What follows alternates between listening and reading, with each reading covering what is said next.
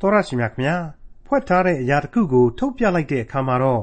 အရင်တုန်းကထူးဆန်းနေနေခဲ့ပြီမဲ့အခုတော့မထူးဆန်းမနေနေတော့ပါဘူးဒါပေမဲ့တစ်ချိန်တုန်းကဖွဲ့ထားခဲ့တဲ့အရာကို အခုဖော်ပြလိုက်လို့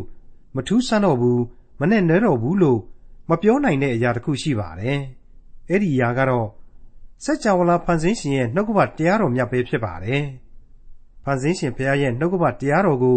ဖော်ပြခဲ့တာ နှစ်ပေါင်းထောင်နဲ့ချီခဲ့ပြီမဲ့လို့လဲဒီကနေ့အထိထူးဆန်းနေနေနေသေးပါပဲထူးဆန်းနေနေလွန်းလို့ဒီကနေ့ကဘာပေါ်မှာဖန်ဆင်းရှင်ဘုရားရဲ့နှုတ်ကပတ်တရားတော်မြတ်ကိုမယုံကြည်နိုင်ကြတဲ့သူတွေအမြောက်အများရှိနေကြပါတယ်ဖန်ဆင်းရှင်ဘုရားရဲ့နှုတ်ကပတ်တရားတော်ဟာဘာကြောင့်နေနေရပါသလဲဒါပေမဲ့မယုံကြည်ဖို့လွယ်ကူသလိုယုံကြည်ဖို့လည်းလွယ်ကူပါတယ်ယုံကြည်တဲ့အခါမှာလည်းထူးဆန်းနေနေတာတွေဖြစ်ပေါ်တဲ့အကြောင်းဖော်ပြထားတဲ့ ခရိယန်တမန်ကျမ်းရဲ့ဓမ္မသစ်ကျမ်းပိုင်းတွေကကောလောသဲဩဝါဒစာအခန်းကြီး1အခန်းငယ်25ကနေအခန်းငယ်29အထိကိုဒီကနေ့သင်သိရသောတမန်ကျမ်းအစီအစဉ်မှာလေ့လာမှာဖြစ်ပါတယ်။ယုံကြည်တဲ့သူတွေအတွက်တော့တကိုးတော်ပြုပြင်ခြင်းခံရသလိုဖန်ဆင်းရှင်ဘုရားရဲ့သာသနာတော်တိုးတက်ပြန့်ပွားဖို့ကြိုးစားအားထုတ်ကြတဲ့အကြောင်းနဲ့နဲတဲ့အရာပါဝင်တဲ့ကောလောသဲဩဝါဒစာအခန်းကြီး1အခန်းငယ်25ကနေအခန်းငယ်29အထိကို ဒေါက်တာထွန်းမြတ်ရေးက အခုလို လေ့လာသုံးသပ်တင်ပြထားပါတယ်။ငါပေါလုသည် ထိုတရားကို ဟောသောဆရာဖြစ်သည်နှင့် သင်တို့အဖို့အလို့ငါဆင်းရဲခံခြင်း၌ယခုဝမ်းမြောက်၍ခရစ်တော်၏ဆင်းရဲဒုက္ခအကျွင်းအကြံကို အသင်းတော်ကြီးဟုသော ကိုတော်အဖို့အလို့ငါငါကိုခန္ဓာ၌ပြည့်စုံစေ၏အဲ့ဒီလိုဖော်ပြထားခဲ့တဲ့ ကောလောသဲဩဝါဒစာ ပထမစာဆောင် အခန်းကြီး1အငယ်24ကို ကျွန်တော်တို့ကပြီးခဲ့တဲ့သင်ခန်းစာတွေမှာအသေးစိတ်ဖြာလေ့လာခဲ့ကြပြီးပါပြီခရစ်တော်၏ကယ်တင်ခြင်းကျေးဇူးတော်ကိုဆောင်ရွက်ခြင်းအမှုဆိုတာဟာပြီးပြည့်စုံသောအမှုတော်ဖြစ်တယ်ခရစ်တော်ရဲ့ဒီအမှုကြီးမှာခံစားရတဲ့ဒုက္ခဆင်းရဲခြင်းဝေဒနာဆိုတာတွေ့ကိုလူသားဟာဝေမျှခံစားလို့မရနိုင်ဘူးဒါပေမဲ့ခရစ်တော်ရဲ့ဖြောင့်မတ်ခြင်းသစ္စာတရားအတွက်ဆင်းရဲဒုက္ခခရစ်တော်၏ဧဝံဂေလိအမှုတော်မြတ်မှာနာမတော်အတွက်ခံရသောဆင်းရဲဒုက္ခဆိုတာတွေ့ကိုတော့ လူသားဟာဝေမျှခံစားနိုင်တယ်ဆိုတဲ့အကြောင်းတွေကိုကျွန်တော်ပြီးခဲ့တဲ့သင်ခန်းစာမှာအကျယ်တွင်ရှင်းလင်းဖော်ပြခဲ့ပြီးပါပြီမှန်ပါတယ်မိတ်ဆွေလူအသီးအသီးတို့သည်မိမိတို့ဝန်ကိုဆောင်ရွက်ကြရမည်ဆိုပြီးတော့ဂလာတိဩဝါဒစာအခန်းကြီး6အငယ်9မှာကျွန်တော်တို့တွေ့ခဲ့ကြရပါတယ်ခရစ်တော်၏လူစားတိခံယူခြင်းခံစားချက်နဲ့ဆင်းရဲဒုက္ခတွေဟာအများကြီးဖြစ်တယ်လို့ကျွန်တော်တို့မိษွေတို့အတွက်ကဲတင်တော်မူခြင်းကျေးဇူးတော်ကိုပြုဖို့ ဖះဇာတိသဘောနဲ့သာခံနိုင်လောက်တဲ့ကားတိုင်းတော်ပေါ်မှာတက်ပြီးတော့အသေးခံကန်ဤအချိန်တွေကားတိုင်းမှာရိုက်ထားခြင်းခံရတဲ့အချိန်ဒီမှာဒုက္ခတွေဟာဘလောက်ပဲကြီးခဲ့ရှာလိမ့်မလဲဒီဆင်းရဲဒုက္ခဝေဒနာတွေကိုကျွန်တော်တို့လူသားဟာလိုက်ပြီးတော့တုပလို့မရနိုင်ဝေမျှပြီးတော့ခံစားဖို့လည်းမဖြစ်နိုင်ဘူးကျေးဇူးတော်ကိုသာလက်ခံယုံကြည်ပြီးတော့သူနဲ့အတူဘုန်းတော်ကိုဝင်စားယုံတာပဲရှိတယ်ဆိုတာကိုလေကျွန်တော်တို့ကြားနာခဲ့ကြပြီးပါပြီ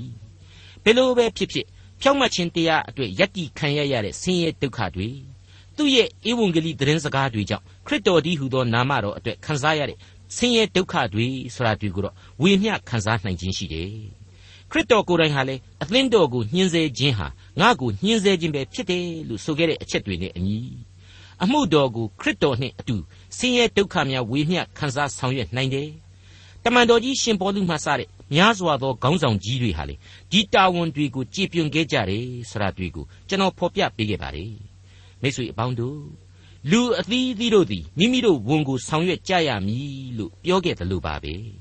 ထမ်းရွက်စရာဝန်ချင်းတို့ကိုအချင်းချင်းကူညီ၍ထမ်းရွက်သောအဖြစ်ခရစ်တော်၏တရားကိုကျင့်ကြလော့ဆိုတာကိုလေကြံပြိုင်တစ်ခုအဖြစ်နဲ့ပဲအဲ့ဒီဂလာတိဩဝါဒစာအခန်းကြီး6အငယ်1မှာကျွန်တော်တို့တွေ့ကြရပါသေးတယ်။တနည်းအားဖြင့်တော့ ဝေမျှနိုင်တဲ့ဝန်တွေကိုဝေမျှထမ်းဆောင်ကြဝေမျှလို့မရတဲ့တာဝန်တွေကြပြန်လို့လေကိုယ့်ဘာသာကိုကြည်ပြွန်ကြဆိုတဲ့အဆုံးအမတွေပဲဖြစ်ပါလေကျွန်တော်တို့မိษွေတို့ရဲ့လူသမိုင်းတစ်ခုလုံးကအပြစ်တရားတွေကိုအကုန်လုံးကြုံယုံပြီးတော့ယူတင်ဝတ်ဆောင်တယ်ပြီးတဲ့နောက်ကားရိုင်တော်ပေါ်မှာကြောက်ခမန်းလိလိအသွေးတော်ကိုတွန်းပြီးတော့ကဲတင်တော်မူခြင်းပြုခဲ့တဲ့သခင်ဟာဘသူတူတယောက်ထံကမှမျှဝေခံစားလို့မရနိုင်တဲ့ ဘသူတူတယောက်ကမှမျှဝေခံစားလို့မရနိုင်တဲ့ဆင်းရဲဒုက္ခတွေကိုခါးစီးပြီးတူရီခံတော်မူခဲ့တယ်။သူခြံရစ်ခဲ့တဲ့ရွေးကောက်တော်မူသောအသင်းတော်အတွက်သူခြံရစ်ခဲ့တာကတော့ဖြောင့်မတ်ခြင်းတရားသစ္စာတရားကိုခိုင်မြဲတည်တံ့စွာစောင့်ရှောက်ကာကွယ်ဖို့နဲ့အင်းမူဂေလိအမှုတော်ကိုဆောင်ရွက်ရင်းနဲ့သူ့ရဲ့နာမတော်ကိုယူတင်ဝတ်ဆောင်ကြဖို့ပါပဲ။ ဒီတာဝန်တွေမှာတွေ့ကြုံခဲ့ရတဲ့တွေ့ကြုံရမယ့်ဆင်းရဲဒုက္ခတွေကိုတော့ကျွန်တော်အနေနဲ့ဝေမျှပြီးထမ်းဆောင်ကြရလိမ့်မယ်ဆိုတာကိုကောလောသဲဩဝါဒစာမှတစ်ဆင့်ကျွန်တော်အလွန်ကောင်းမွန်တဲ့သင်ခန်းစာများအဖြစ်ခံယူနိုင်ဖို့လိုပါတယ်မိတ်ဆွေအပေါင်းတို့မနေ့ကစတဲ့သင်ခန်းစာနဲ့ဒီကနေ့တင်ပြရမယ့်သင်ခန်းစာတွေအကုန်လုံးတို့ဟာတန်ရှင်းသူများတို့အတွက်ခရစ်တော်ဤမြင့်မြတ်သောအမှုတော်ဆိုတဲ့ခေါင်းစဉ်ကြီးအောက်မှာရှိနေတယ်ဆိုတာကိုကျွန်တော်ပြန်ပြီးမမေ့ဖို့တင်ပြလိုပါတယ် အဲ့ဒီဖော်ပြပါခေါင်းစဉ်ကြီးရဲ့အောက်မှာပဲဒီကနေ့ကျွန်တော်ဆက်လက်လေ့လာသွားဖို့ရန်ရှိနေတာကတော့ကောလောသဲဩဝါဒစာကြီးရဲ့အခန်းကြီး1အငယ်25နဲ့26တို့ပဲဖြစ်ပါတယ်ရှေးကပ်ကာလတစ်ခုလုံးပွက်ထားလျက်ရှိတော်လေယခုတွင်တန်ရှင်းသူတို့အားဖော်ပြသောနက်နဲရာဒီဟုသောဖျားသခင်၏နှုတ်ကပတ်တရားတော်ကိုအကုန်အစင်ဟောပြောစေခြင်းဟာသင်တို့အကျိုးကိုထောက်၍ငါအားအပ်ပေးတော်မူသောဘုရားသခင်သာသနာတော်နှင့်အညီ ငါသည်အသင်းတော်၌ဓမ္မဆရာအဖြစ်သို့ရောက်ရပြီမိတ်ဆွေအပေါင်းတို့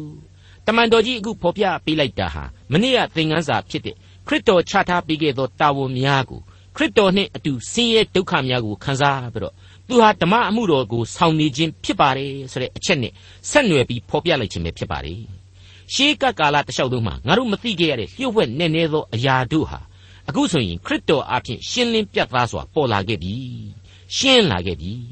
ဘုရားသခင်ရဲ့နှုတ်ကပတ်တော်ဟာအရင်တုန်းကဆိုရင်ပြည့်ညတ်တော်တွေနဲ့လှိုင်းလှိုင်းဝေးနေပြီးတော့အမိန်တော်တွေနဲ့ကြီးပဲပြည့်နေတယ်ဗျာဒိတ်တော်တွေအနာဂတ်တွေနဲ့ကြီးပဲလွှမ်းမိုးနေတယ်အခုကြတော့မှနှုတ်ကပတ်တော်ဟာဘာကိုဖော်ပြနေသလဲဆိုတာကိုသိခွင့်ရပြီတဲ့အဲ့ဒါဟာတကယ်တော့ကယ်တင်ခြင်းကျေးဇူးတော်ဆိုတာဟာဘာလဲသိုးတငယ်ကိုရစ်ပူဇော်တယ်ဆိုတာဟာဘာလဲ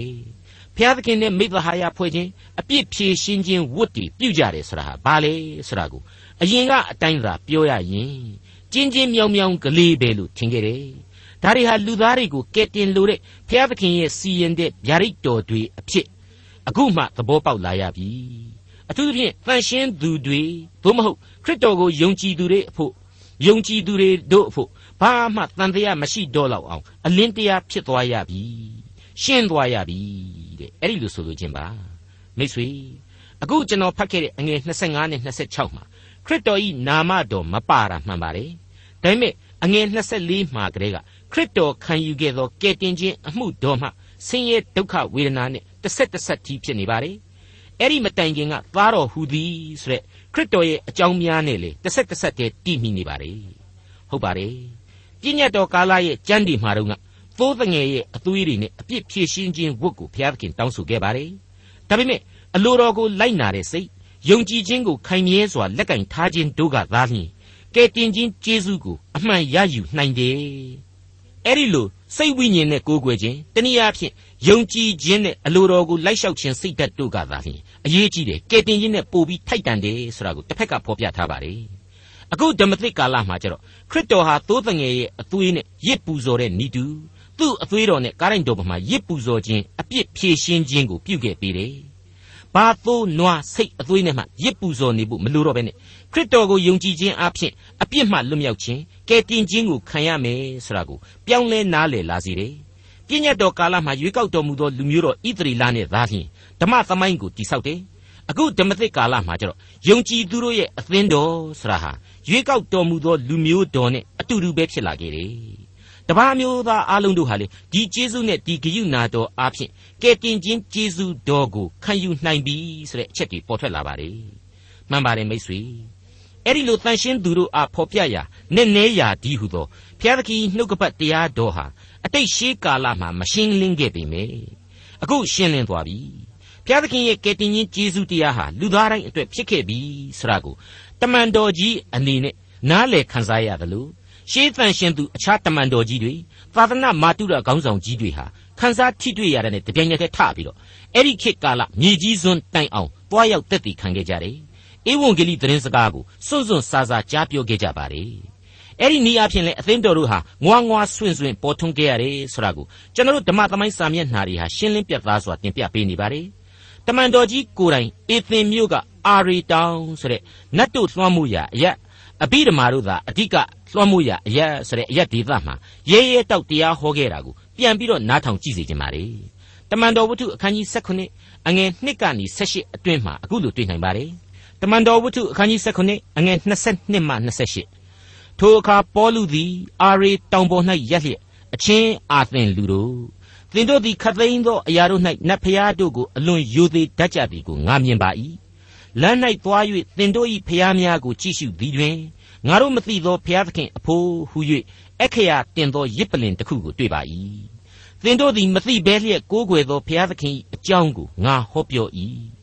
လောကရမှစ၍လောကရ၌ရှိလေသမျှသောအရာတို့ကိုဖန်ဆင်းတော်မူသောဘုရားသခင်သည်ကောင်းကင်နှင့်မြေကြီးကိုအစိုးရတော်မူသောအရှင်ဖြစ်၍လူတို့လက်ဖြင့်လှုပ်သောဗိမှန်၌ကျင်းဝတ်တော်မူသည်မဟုတ် ဘုရားသခင်သည်ခသိန်းသောသူတို့အားဇီဝအသက်နှင့်တကွထွက်သက်ဝင်သက်မှစ၍ခသိန်းသောအရာတို့ကိုပေးတော်မူသောအရှင်ဖြစ်၍တစုံတစ်ခုကိုအလိုတော်ရှိသကဲ့သို့လူတို့လက်ဖြင့်ကြွေးမွေးခြင်းကိုခံတော်မူသည်မဟုတ်ဖျားသခင်သည်မြေတပြင်လုံး၌နေရသောလူအမျိုးမျိုးတို့ကိုတသွေးတီးနှင့်ဖန်ဆင်းတော်မူ၍သူတို့အားခွဲဝေစီမံသောအချိန်ကာလကို၎င်းသူတို့၏နေရာအပိုင်းအခြားကို၎င်းမှတ်သားတော်မူ၏အကြောင်းမူကား လူတို့သည်ဖျားသခင်ကိုရှားဆန်းသဖြင့်တွေ့ကောင်းတွေ့ကြလိမ့်မည်အကြောင်းတည်းသို့ဆိုတော်လေဖျားသခင်သည်ငါတို့တွင်အဘယ်သူနှင့်မျှဝေးတော်မူသည်မဟုတ်ငါတို့သည်ဘုရားသခင်အားဖြင့်အသက်ရှင်လျက်လှုပ်ရှားလျက်ဖြစ်လျက်ရှိကြ၏ထို့သောနှင့်အညီသင်တို့တွင် လင်္ကာဆရာအချို့တို့ကငါတို့သည်ကຫນွေတော်သားပင်ဖျားမျိုးပြီဖြစ်ကြလေဟုစတ်ဆိုသည်မိတ်ဆွေအပေါင်းတို့ခမညာ အဲ့ဒါဟာအတိတ်ကာလလျှို့ဝှက်ခြင်းရှိသောနှုတ်ကပတ်တော်ရဲ့အသက်တရားပါပဲ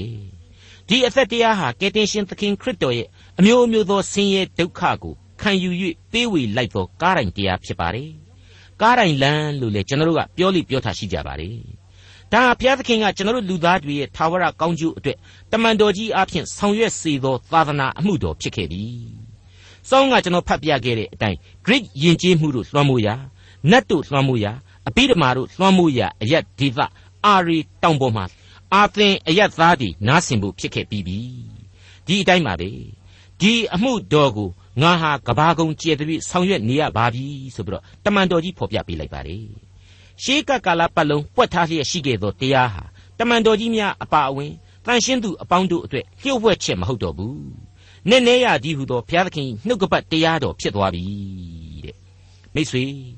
နည်းနည်းချင်းဆိုတာကိုတော့ကျွန်တော်တို့ကမနဲ့နဲတော့ဘူးလို့သွားမထင်မိကြပါစေနဲ့အစဉ်တစိုက်နည်းနည်းမြဲဖြစ်တယ်အခုကျွန်တော်တို့အဖို့လဲနဲ့နဲနေတယ်ဆိုတာကိုဝန်ခံကြပါလေအဲ့ဒါကိုမနဲ့နဲပါဘူးကွာငါတို့ကနိုင်ငံခြားမှာပါရဂူမြောက်အောင်ဓမ္မပညာကိုသင်လာတာဆိုပြီးတော့မိษွေတို့ကိုလာပြောရင်မယုံကြပါနဲ့နော်သူ့ဖသာသူဘာပွဲကြီးတွေပဲရလာလာနှုတ်ကပတ်တော်ဟာအစင်တစိုက်နစ်နေတယ်ဒါကိုယုံကြည်သူဟာဝန်ကိုခံကြရလိမ့်မယ်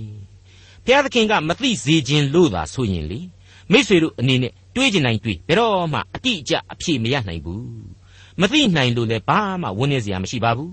ကိုသိထားရမယ့်အချက်တွေကိုကိုသိတဲ့အချက်တွေကိုဘုရားသခင်ဟာနှုတ်ကပတ်တော်အားဖြင့်တော်တလောက်လျော်တလောက်သိခွင့်ပေးထားပြီးပြီကဲတင်ချင်းကျေးဇူးတော်ခံစားဖို့အတွက်လုံလောက်တယ်ထာဝရအသက်ဆုကျေးဇူးကိုရယူနိုင်ဖို့အတွက်လုံလောက်တယ်ဆိုတာဟာအသေးအချာဖြစ်ကြောင်းကျွန်တော်တင်ပြလိုပါတယ်အခုဆက်လက်ပြီးတော့နားဆင်ဖို့ကတော့ ကောလောသဲဩဝါဒစာအခန်းကြီး1အငယ်29ဖြစ်ပါတယ်တပါးမျိုးသားတို့တွင်ဤနက်နဲသောအရာနှင့်ဆိုင်သောမဟာစည်းစိမ်ကအဘယ်မျှလောက်ကြီးသည်ကိုတန်ရှင်းသူတို့သည်သိစေခြင်းဟာဖျားသခင်အလိုတော်ရှိတော်မူ၏ထိုစည်းစိမ်ကဘုံအသရေကိုမျှော်လင့်ခြင်းအကြောင်းကြီးဟုသောသင်တို့အထဲ၌တည်တော်မူသောခရစ်တော်ပေတည်းကဲစောစောပိုင်းကအေသင်သားနတ်သမားတွေကိုအာရီဆိုတဲ့တောင်ပေါ်မှာဟောကြားပေးခဲ့တဲ့ တမန်တော်ကြီးရဲ့စကားသံတွေနဲ့အခုဖော်ပြချက်တွေဟာချိန်သားကိုက်နေပြီကွက်တိဖြစ်နေပြီလို့ကျွန်တော်ဆိုချင်ပါတယ်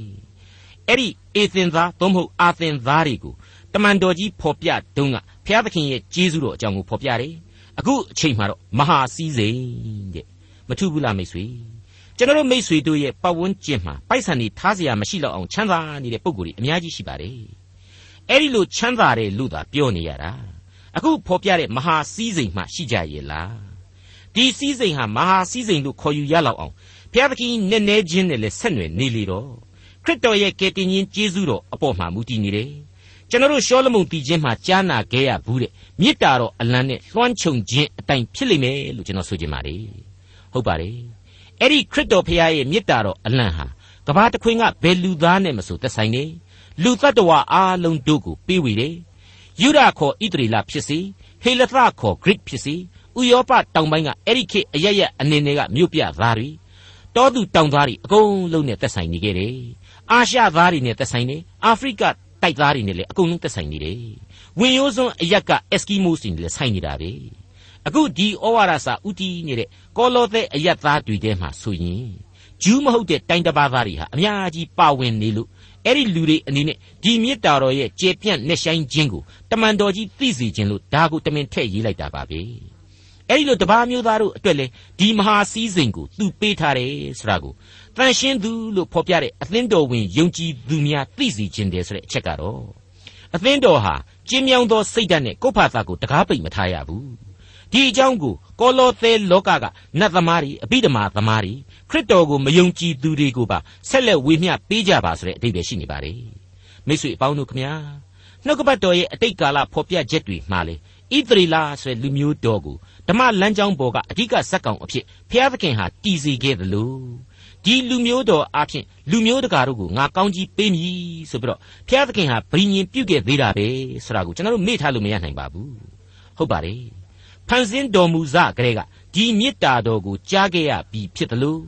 ဣသရေလဆိုတဲ့အမိနာမမပေါ်ခင်ကလေးကအာဗြဟံဆိုတဲ့လူသားကြီးကနေတဆင့်ဒီဂရိတော်ကိုကျွန်တော်တို့ပြက်ပြက်သားသားမြင်ခဲ့ရပါတယ်ကပ္ပဦးကျမ်းအခန်းကြီး7အငယ်1မှ4အတွင်းကိုပြန်ပြီးကြည့်မယ်ဆိုရင်ဘုရားသခင်ရဲ့ကောင်းကြီးမင်္ဂလာဟာလူသားတိုင်းတို့အတွက်ဖြစ်တယ်ဆိုတာကိုအာဗြဟံဆိုတဲ့ရှုရိအမျိုးသားကြီးစီကနေတဆင့်ကျွန်တော်တို့သိခဲ့ရပြီးပါပြီထာဝရဘုရားသည်လေအာဗျံကိုခေါ်တော်မူ၍ သင်ဤပြည်နှင့်တကွအမျိုးသားချင်းပေါက်ဖော်များတဲ့ကထွက်ပြီးလျင်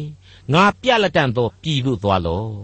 ငါသည်သင်ကိုလူမျိုးကြီးဖြစ်စေမည်ငါကောင်းကြီးပေး၍သင်၏နာမကိုကြီးမြတ်စေမည်သင်သည်ကောင်းကြီးခံရသောသူဖြစ်လိမ့်မည်သင်ကိုကောင်းကြီးပေးသောသူကိုငါကောင်းကြီးပေးမည်သင်ကိုကျိန်ဆဲသောသူကိုငါကျိန်ဆဲမည်သင်အားဖြင့်လည်းလူမျိုးအပေါင်းတို့သည်ကောင်းကြီးမင်္ဂလာကိုခံရကြလိမ့်မည်ဟုမိန့်တော်မူ၏သင်အားဖြင့်လည်းလူမျိုးအပေါင်းတို့သည် ကောင်းကြီးမင်္ဂလာကိုခံရကြလိမ့်မည်ဆိုတဲ့အချက်သင်မတဆင့်ဣသရေလနဲ့တကွလူမျိုးတွေအများကြီးဆက်လက်ထွန်းကားလိမ့်မယ်ဣသရေလမှတဆင့်ခရစ်တော်ကိုလူစားတိကိုခံယူစေပြီးတော့ကယ်တင်ခြင်းကျေးဇူးကိုကဘာတစ်ခုမိသားစုအားလုံးစီတို့ငါချထားပေးမယ်ဆိုတာကိုကဘာဦးကလေးကဗြိညင်ပြုတ်လိုက်တာ ਨੇ အတူတူပါပဲထိုမဟာစည်းစိမ်ဆိုတာဟာကောင်းကင်ဘုံအသရေကိုမျှော်လင့်ခြင်းပဲဖြစ်တယ် အဲ့ဒီမျှော်လင့်ခြင်းဟာသင်တို့အထက်၌တည်တော်မူသောခရစ်တော်ပင်ဖြစ်ပါလေတဲ့ဟုတ်ပါတယ်ကောလောသဲဩဝါဒစာရဲ့အစပိုင်းမှာကလေးကယုံကြည်ခြင်းချစ်ခြင်းမျှော်လင့်ခြင်းဆိုတာတွေဟာခရစ်တော်အားဖြင့်သာတည်သည်ဆိုတာကိုကျွန်တော်ဖော်ပြခဲ့ပြီးဖြစ်ပါတယ်ကျွန်တော်ဖော်ပြတယ်ဆိုလို့နော်ကျွန်တော်ကဖြစ်တယ်များတော့လည်းမထင်ကြပါနဲ့တော်ကြကျွန်တော်ကပဲဒီအတွေးအခေါ်ကြီးကိုစတွေးတယ်လို့လို့ဘာလို့လဲကျွန်တော်ဒုက္ခရောက်နေပါမယ်နှုတ်ကပတ်တော်ကသာလျှင်ဖော်ပြခဲ့တာကိုကျွန်တော်တင်ပြခဲ့ခြင်းပါ အငယ်3ကနေ9အတွင်းမှာမိတ်ဆွေတို့ပြန်ကြည့်နိုင်ပါတယ်သင်တို့သည်ယေရှုခရစ်ကိုယုံကြည်၍တန်ရှင်းသူအပေါင်းတို့ကိုချစ်ကြသည်ဟုငါတို့သည်ကြားသဖြင့်၎င်းတမန်တရားကြီးဟုသောဧဝံဂေလိတရားကိုသင်တို့သည်အထက်ကကြားသိကြသည့်အတိုင်းသင်တို့အဖို့ကောင်းကင်ဘုံ၌သိုထားသောမျှော်လင့်ရာကိုထောက်သဖြင့်၎င်းသင်တို့အဖို့အစင်မပြတ်ဆုတောင်း၍ငါတို့သခင်ယေရှုခရစ်၏ခမည်းတော်ကြီးဟုသောဘုရားသခင်၏ကျေးဇူးတော်ကိုချီးမွမ်းကြ၏ ထိုတရားသည်လောကီနိုင်ငံတစ်လျှောက်လုံးကိုနှံ့ပြားသည်နှင့်အညီသင်တို့ရှိရာသို့ရောက်ခဲ့ပြီးသင်တို့၌အသီးသီးချင်းတိုးပွားခြင်းကိုပြုသည်နိတုအရရ၌ပင်ပြုတတ်၏မိတ်ဆွေကောလောသဲအသင်းတော်အပါအဝင်ကနဦးအသင်းတော်များမှသည်ဒီကနေ့ကျွန်တော်တို့စီအထီလဲဒီယုံကြည်ခြင်းဒီချစ်ခြင်းဒီမျှော်လင့်ခြင်းတွေဟာရောက်ခဲ့ပြီးပြီဖြစ်ပါတယ်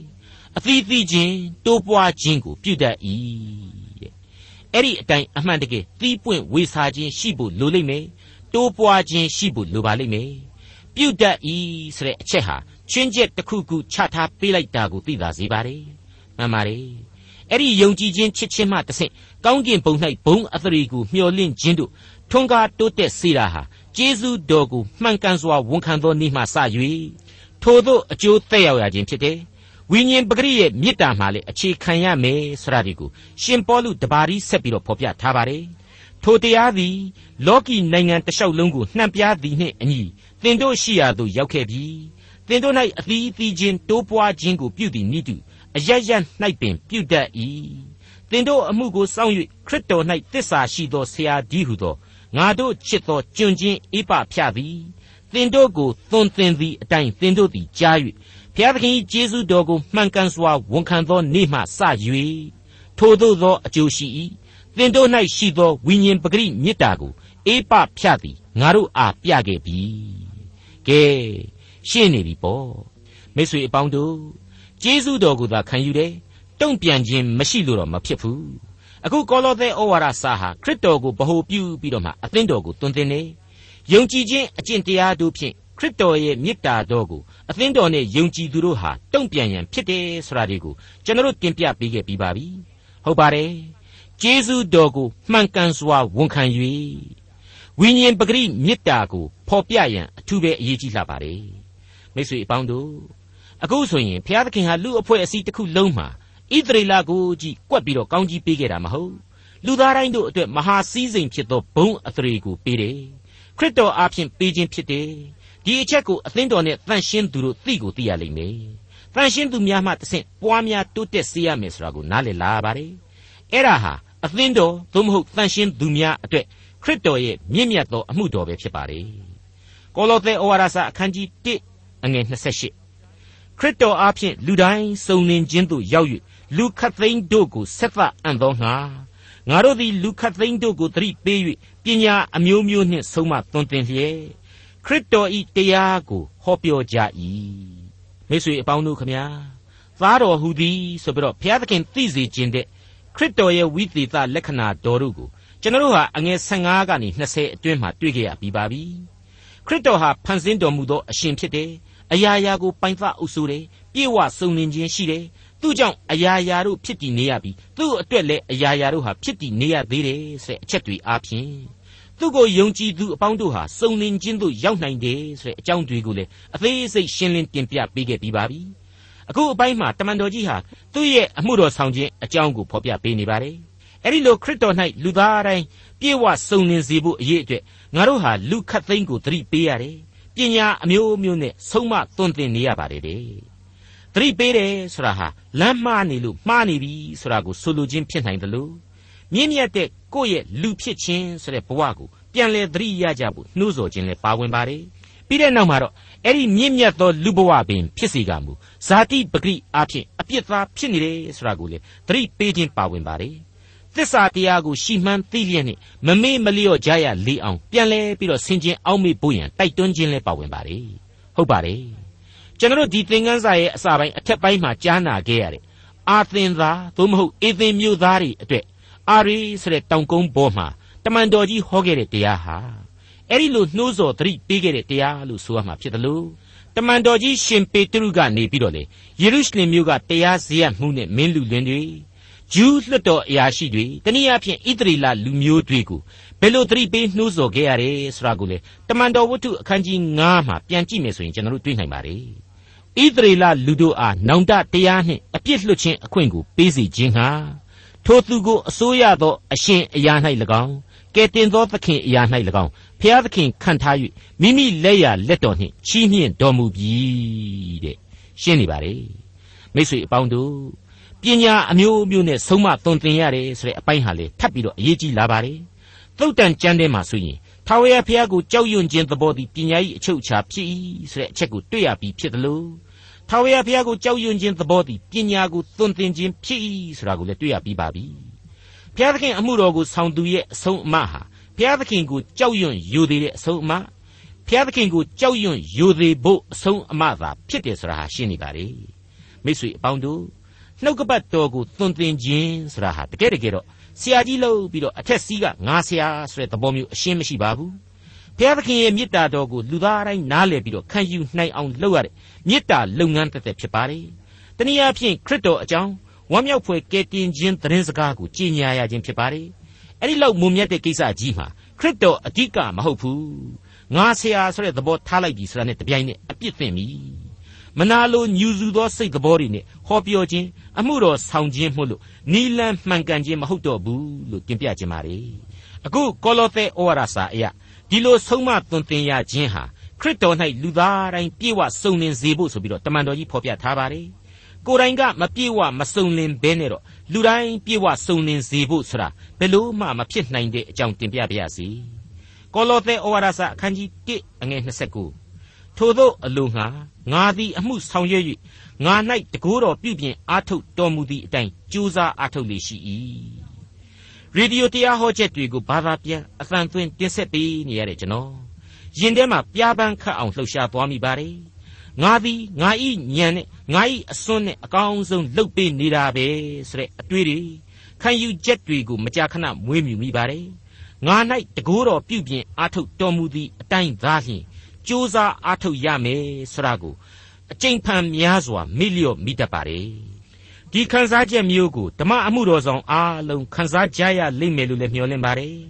တကယ်တော့ ခရစ်တော်၏ဂျေဇုတော်ကိုတုံ့ပြန်ရမှာပင်လျှင်ခရစ်တော်၏ခွန်အားနှင့်သာတုံ့ပြန်နိုင်တဲ့အကြောင်းကိုကောလောသဲဩဝါဒစာဟာအလေးအနက်မိမောင်းထိုးပြလိုက်ပါတယ်ဒေါက်တာထွန်းမြတ်ရေးစီစဉ်တင်ဆက်တဲ့တင်ပြရသောတမချန်းအစီအစဉ်ဖြစ်ပါတယ်နောက်တစ်ချိန်အစီအစဉ်မှာခရိယတမချန်းရဲ့ဓမ္မသစ်ကျမ်းပိုင်းတွေကကောလောသဲဩဝါဒစာခန်းကြီး2အခန်းငယ်1ကနေ9အထိကိုလေ့လာမှဖြစ်တဲ့အတွက်စောင့်မျှော်နားဆင်နိုင်ပါတယ်။